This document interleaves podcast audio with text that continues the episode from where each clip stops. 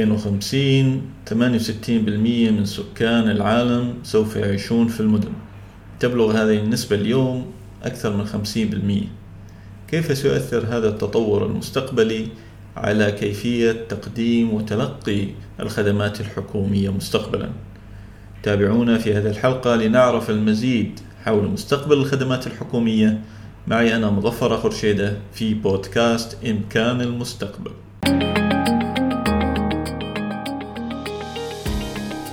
طبعا ما بنحتاج كثير إنه نشرح ليش الخدمات الحكومية مهمة. الخدمات الحكومية ببساطة بترافقنا في كل مفاصل حياتنا سواء في التعليم في المدرسة في الجامعة نحتاج إلى الحكومة وخدماتها حتى نتلقى هذه الخدمات أو حتى نصدق شهاداتنا. وحتى في مجال الصحة في مجال خدمات الرخص سواء رخصة القيادة حتى في تصديقك لزواجك. فأنت تحتاج إلى خدمات حكومية. فكيفية تصورنا للخدمات الحكومية وكيف ستكون هذه الخدمات في المستقبل مهم جدا لنا جميعا. في البداية خلينا نتعرف على أبرز التوجهات المستقبلية اللي قاعدة بتتطور اليوم واللي من المتوقع إنها تأثر على الخدمات الحكومية في المستقبل. أول هاي التوجهات في توجه ديموغرافي أو سكاني إنه في عندنا جيل جديد من أعمار اللي بتبدأ من عام 1996 اللي هم الجيل Z ما يسمى بالجيل Z واللي هم ولدوا بعد عام 1996 هذول الجيل اليوم دخلوا إلى سوق العمل. طيب شو تفضيلات أو شو الأشياء اللي بيهتم فيها الجيل Z الجيل Z يحتاجوا أو يتطلعوا إلى حرية أكبر وتحكم في كيفية تلقي الخدمات يعني من وين بتلقوا هاي الخدمات شو القنوات اللي بتلقوا منها هاي الخدمات وكمان هذا الجيل بيهتم كثير إنه يكون متحكم في معلوماته الشخصية والخاصة وبحب إنه يكون الخدمات سريعة ولحظية ما بيحب يقدم طلب ويستنى أيام حتى توصل موافقة فهو متعود على الخدمات الرقمية التي تتميز بتوفرها 24 ساعة سبع أيام بالأسبوع على مدار العام. وأنه هاي الخدمات تكون شخصية بمعنى أنه هاي الخدمات تكون مخصصة له هو نفسه. وهو بالتالي بقارن دائما الخدمات الحكومية مع الخدمات اللي بتلقاها من القطاع الخاص.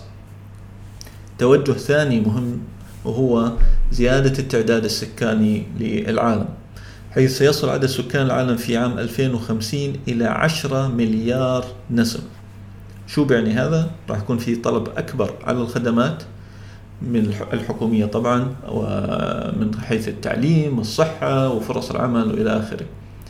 كمان في عنا توجه مستقبلي مهم جدا والكثير يغفلوا عنه اللي هو الهجرة الطوعية أو القسرية نتيجة الحروب أو الكوارث الطبيعية أو الأوضاع الاقتصادية حيث تتوقع الإحصاءات أنه في عام 2050 سيكون عندنا أكثر من 1.2 مليار لاجئ بيئي طب هذا شو يعني؟ يعني إنه الحكومات التي ستهاجر حكومات الدول التي سيهاجر إليها هذه الأعداد سوف يكون عندها تحدي في توفير خدمات لهم.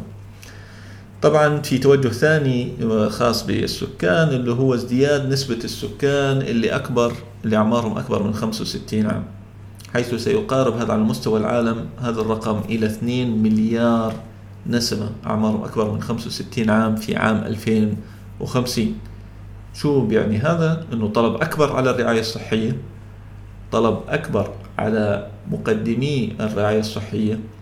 يحتاجون من يهتم بهم. وكيف سيتم تصميم برامج للاستفادة من خبرات؟ هاي النسبة الكبيرة من السكان في المستقبل. سيشكل هذا نقطة رئيسية وتحدي رئيسي للحكومات مستقبلا.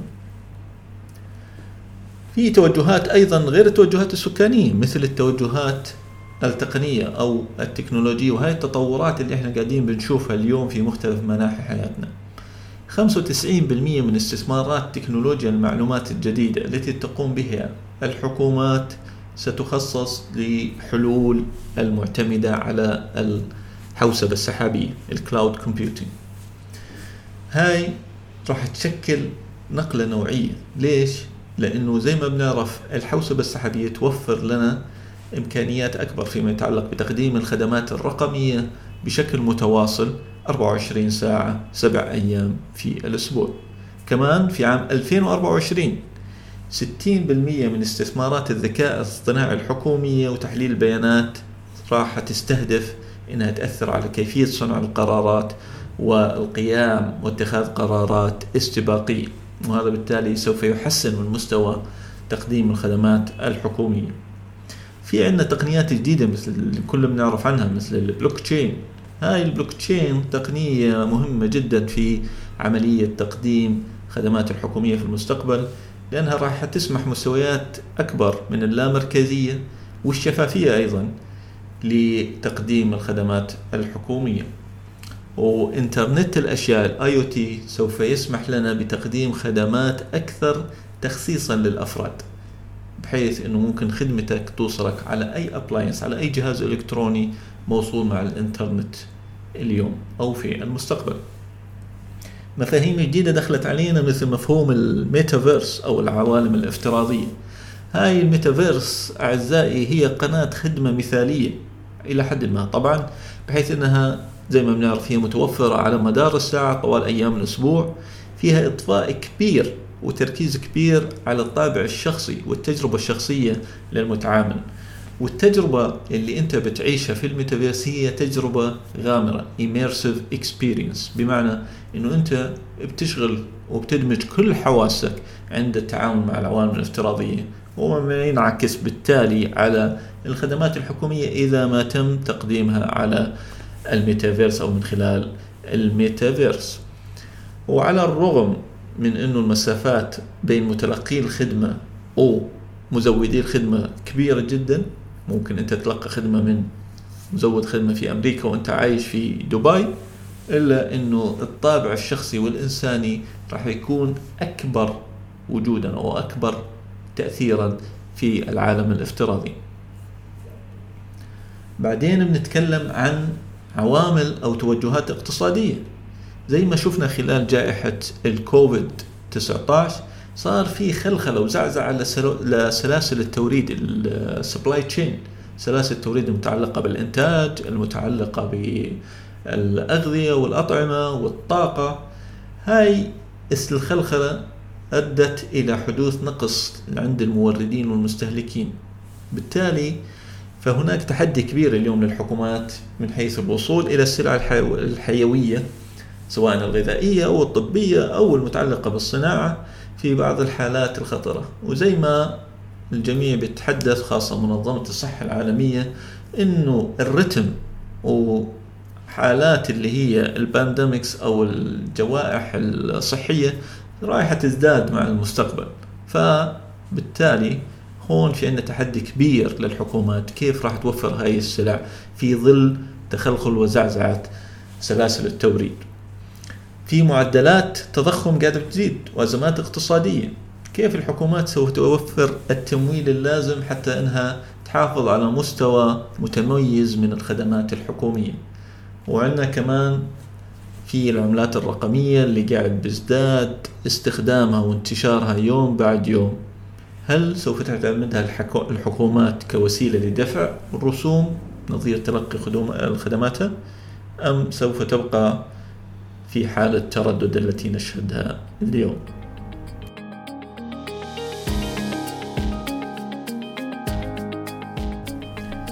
طيب هاي كانت بعض التوجهات المستقبلية اللي ممكن إنها تأثر على كيفية تقديم وتلقي الخدمات الحكومية في المستقبل. في عندنا بعض التحديات المهمة التي بتواجه الحكومات اليوم ومن المتوقع انها تزداد في المستقبل. أبرز هاي التحديات إنه في فجوة كبيرة بين مستوى الخدمات الحكومية التي تقدم اليوم ومستوى الخدمات اللي بتلقاها الناس من القطاع الخاص.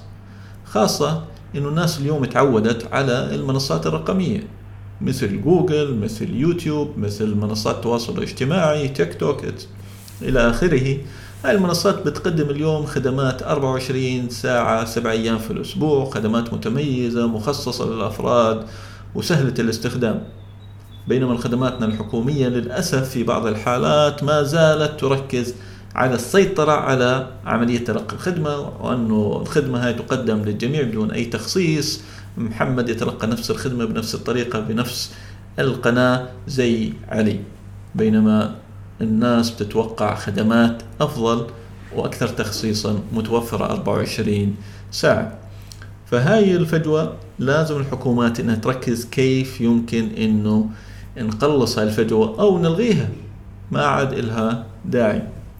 التحدي الثاني اللي بواجه الحكومات اليوم اللي هو موضوع تطوير وتطبيق حلول للهوية الرقمية الموحدة. في بعض الدول زي الإمارات العربية المتحدة أو على مستوى العالم حكومة أستونيا طبقوا هاي الحلول بحيث أنه صار لكل مواطن لكل مقيم في هذه الدول في هوية رقمية موحدة بيقدر يستخدمها حتى يحصل على جميع الخدمات سواء من القطاع الحكومي أو من القطاع الخاص. طبعا هاي بتتطلب بنية تحتية رقمية متميزة وترابط بين الأنظمة. بس هذا واحد من التحديات التي ستواجه بقية الحكومات في التحول نحو خدمات المستقبل. في تحديات كبيرة طبعا أخرى مثل التي تتعلق بأمن وسرية البيانات الناس والمتعاملين. آه، تحديات كمان ذات علاقة بالثقة بدقة وصحة المعلومات. اليوم نتيجة لأنه كل حياتنا أصبحت مترابطة في العالم الرقمي في كثير من المعلومات اللي هي غير صحيحة أو الكاذبة في تزييف للحقائق في بعض الأحيان. كيف ممكن الحكومات أنها تضمن أو تزيد مستوى ثقة الناس بدقة وصحة المعلومات؟ هاي التحديات والتوجهات اللي شفناها قبل سوف تشكل الخدمات الحكومية في المستقبلية. فكيف راح يكون شكل الخدمات الحكومية في المستقبل؟ أول شيء الخدمات الحكومية في المستقبل لازم تكون متمحورة ومركزة على الإنسان. كيف يعني على الإنسان؟ يعني المستفيد من هاي الخدمات لازم يكون هو المبدأ والمنتهى لعملية تصميم وتقديم الخدمات. لازم المتلقي الخدمة يكون شريك في عملية تصميم الخدمة. مش إحنا نصمم الخدمة وبعدين نعطيه إياها ولازم يتقبلها كيفما كان. لا لازم يكون هو المحور بالتالي لازم نشركه في عملية تصميم الخدمات ونأخذ رأيه في طريقة تقديم الخدمات القنوات اللي حاب يتلقى فيها هذه الخدمة وما إلى ذلك. حسب تقرير أيضا من شركة جارنر المتخصصة في مجال خدمات تكنولوجيا المعلومات إنه في عام 2023 أي حكومة ما عندها استراتيجية متكاملة لتجربة المتعامل أو بسموه ال total experience راح تواجه مشكلات كبيرة في تحويل خدماتها الحكومية نحو خدمات رقمية وخدمات ذات طابع مستقبلي بنجاح ليش؟ لأنه هاي الاستراتيجيات المتكاملة لتجربة المتعامل بتقدم طريقة موثوقة للحكومات لتتحسن استراتيجياتها لإدارة المواهب تطوير مجموعات مهارات رقمية أقوى في مؤسساتها. وبالتالي تقدر إنها تحسن عملية تقديم وتصميم خدماتها للمواطنين. آه، إذا ما كان في عندنا استراتيجية متكاملة لتجربة المتعامل فراح يصير عندنا زيادة في عملية بسموها الفريكشن في الخدمة. أنه المواطن بيتطلب كثير من الطلبات لازم يراجع المؤسسة العامة والمؤسسة الحكومية حتى يحصل على الخدمة. وبالتالي في تأخير في عملية الحصول على الخدمة وبصير تجربة المتعاملين مخيبة للآمال. كمان من المظاهر أو الأشكال التي سوف تؤثر على مستقبل الخدمات هو عملية هل حكومتنا اليوم سوف تستغل الكنز اللي موجود بين أيديها. شو هذا الكنز؟ اللي هو البيانات. هل الحكومات سوف تستغل البيانات في تصميم وتطوير وحتى تقديم الخدمات؟ بحيث إنه عملية التخطيط واتخاذ القرارات المتعلقة بتقديم الخدمات الحكومية لازم تكون قرارات تنبؤية واستباقية بحيث إنه نستخدم تقنيات اللي قاعد تتطور اليوم مثل الذكاء الاصطناعي وتعلم الآلة والتحليلات وعلوم البيانات لتقليل تكلفة تقديم وتصميم هذه الخدمات بشكل كبير الهدف النهائي طبعا زي ما قلنا هو جعل تقديم الخدمات الحكومية سريع الاستجابة ويكون مقدم في الوقت المناسب. كمان أيضا تكلم ناس كثير متخصصين في الخدمات بشكل عام والخدمات الحكومية إنه الحكومة في المستقبل سوف تكون حكومة غير مرئية invisible government. بمعنى إنه اليوم أنت راح تحصل على الخدمة الحكومية بدون ما تحتاج إنك تقدم للخدمة. أعطيكم مثال في دولة الإمارات العربية. اليوم إذا إجاك مولود بحمد الله فلن تحتاج إلى تقديم طلب للحصول على شهادة ميلاد لمولودك الجديد لأنه شهادة الميلاد سوف تصلك على موقع على موقعك سواء في بيتك أو على البريد الإلكتروني بدون ما تقدمها. ليش؟ لأنه في تكامل بين المؤسسات الحكومية والقطاع الخاص. المستشفى التي حصلت فيها عملية الولادة سوف تبلغ الدائرة الحكومية المختصة في عملية الولادة وبالتالي الدائرة الحكومية اللي هي الأحوال المدنية مثلا سوف تقوم بإرسال شهادة الميلاد وحتى جواز السفر جاهز لمولودك الجديد بدون ما تقدم. طبعا هاي يسمونها الخدمات الاستباقية ولكنها هي جزء من مفهوم أكبر وهو مفهوم الحكومة. الخفية أو غير المرئية invisible government.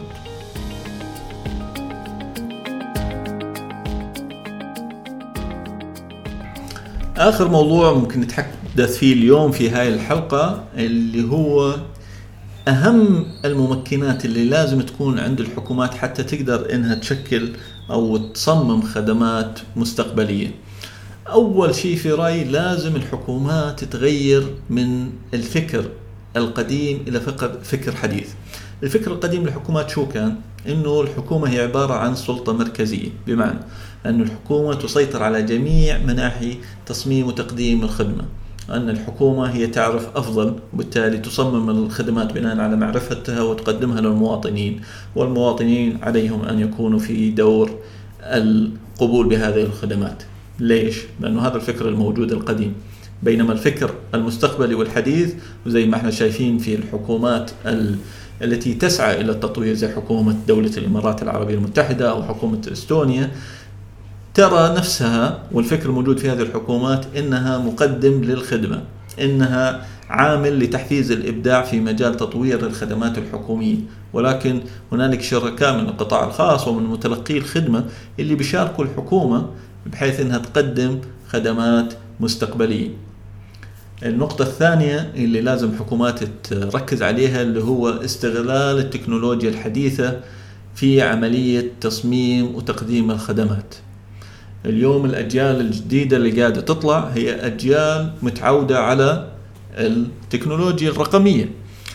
وأي واحد انولد بعد 2007 فهو متعود إنه يشوف قدامه السمارت فون الهاتف الذكي اللي هو أول آيفون ظهر في عام 2007 فبالتالي هاي الأجيال متعودة أو توقعاتها إنه تكون كل خدماتها رقمية وكل خدماتها متوفرة 24 ساعة سبع أيام بالأسبوع. فلازم الحكومات يتم تصميم خدماتها بحيث إنها تركز على هذه الفئات وتسهل عملية تلقي الخدمات آه، لهذه الفئات أيضا. والموضوع الأخير اللي هو الحكومة لازم تغير من فلسفتها في تقديم الخدمات نحو فلسفة اللي هي الحكومة الغير مرئية أو invisible government بحيث أنه تم تلقي أو تقديم الخدمات للناس بصورة آنية وبدون حتى ما يحتاجوا أنهم يطلبوا هاي الخدمات زي ما شفنا في موضوع تقديم شهادات الميلاد في دولة الإمارات العربية المتحدة.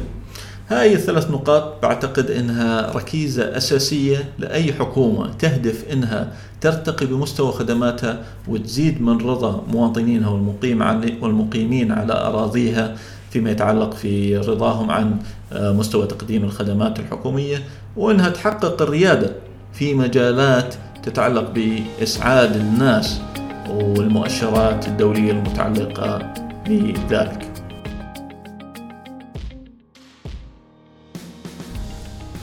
في النهاية نتمنى التوفيق لجميع الحكومات في منطقتنا العربية وفي العالم في إنهم يغيروا من تفكيرهم ويتطوروا ويدخلوا إلى المستقبل بثقة في أنفسهم وفي مواطنينهم وإنهم قادرين إنهم يحققوا المستقبل الأفضل. وإن شاء الله القادم أفضل للجميع. دمتم بخير. والسلام عليكم ورحمة الله وبركاته.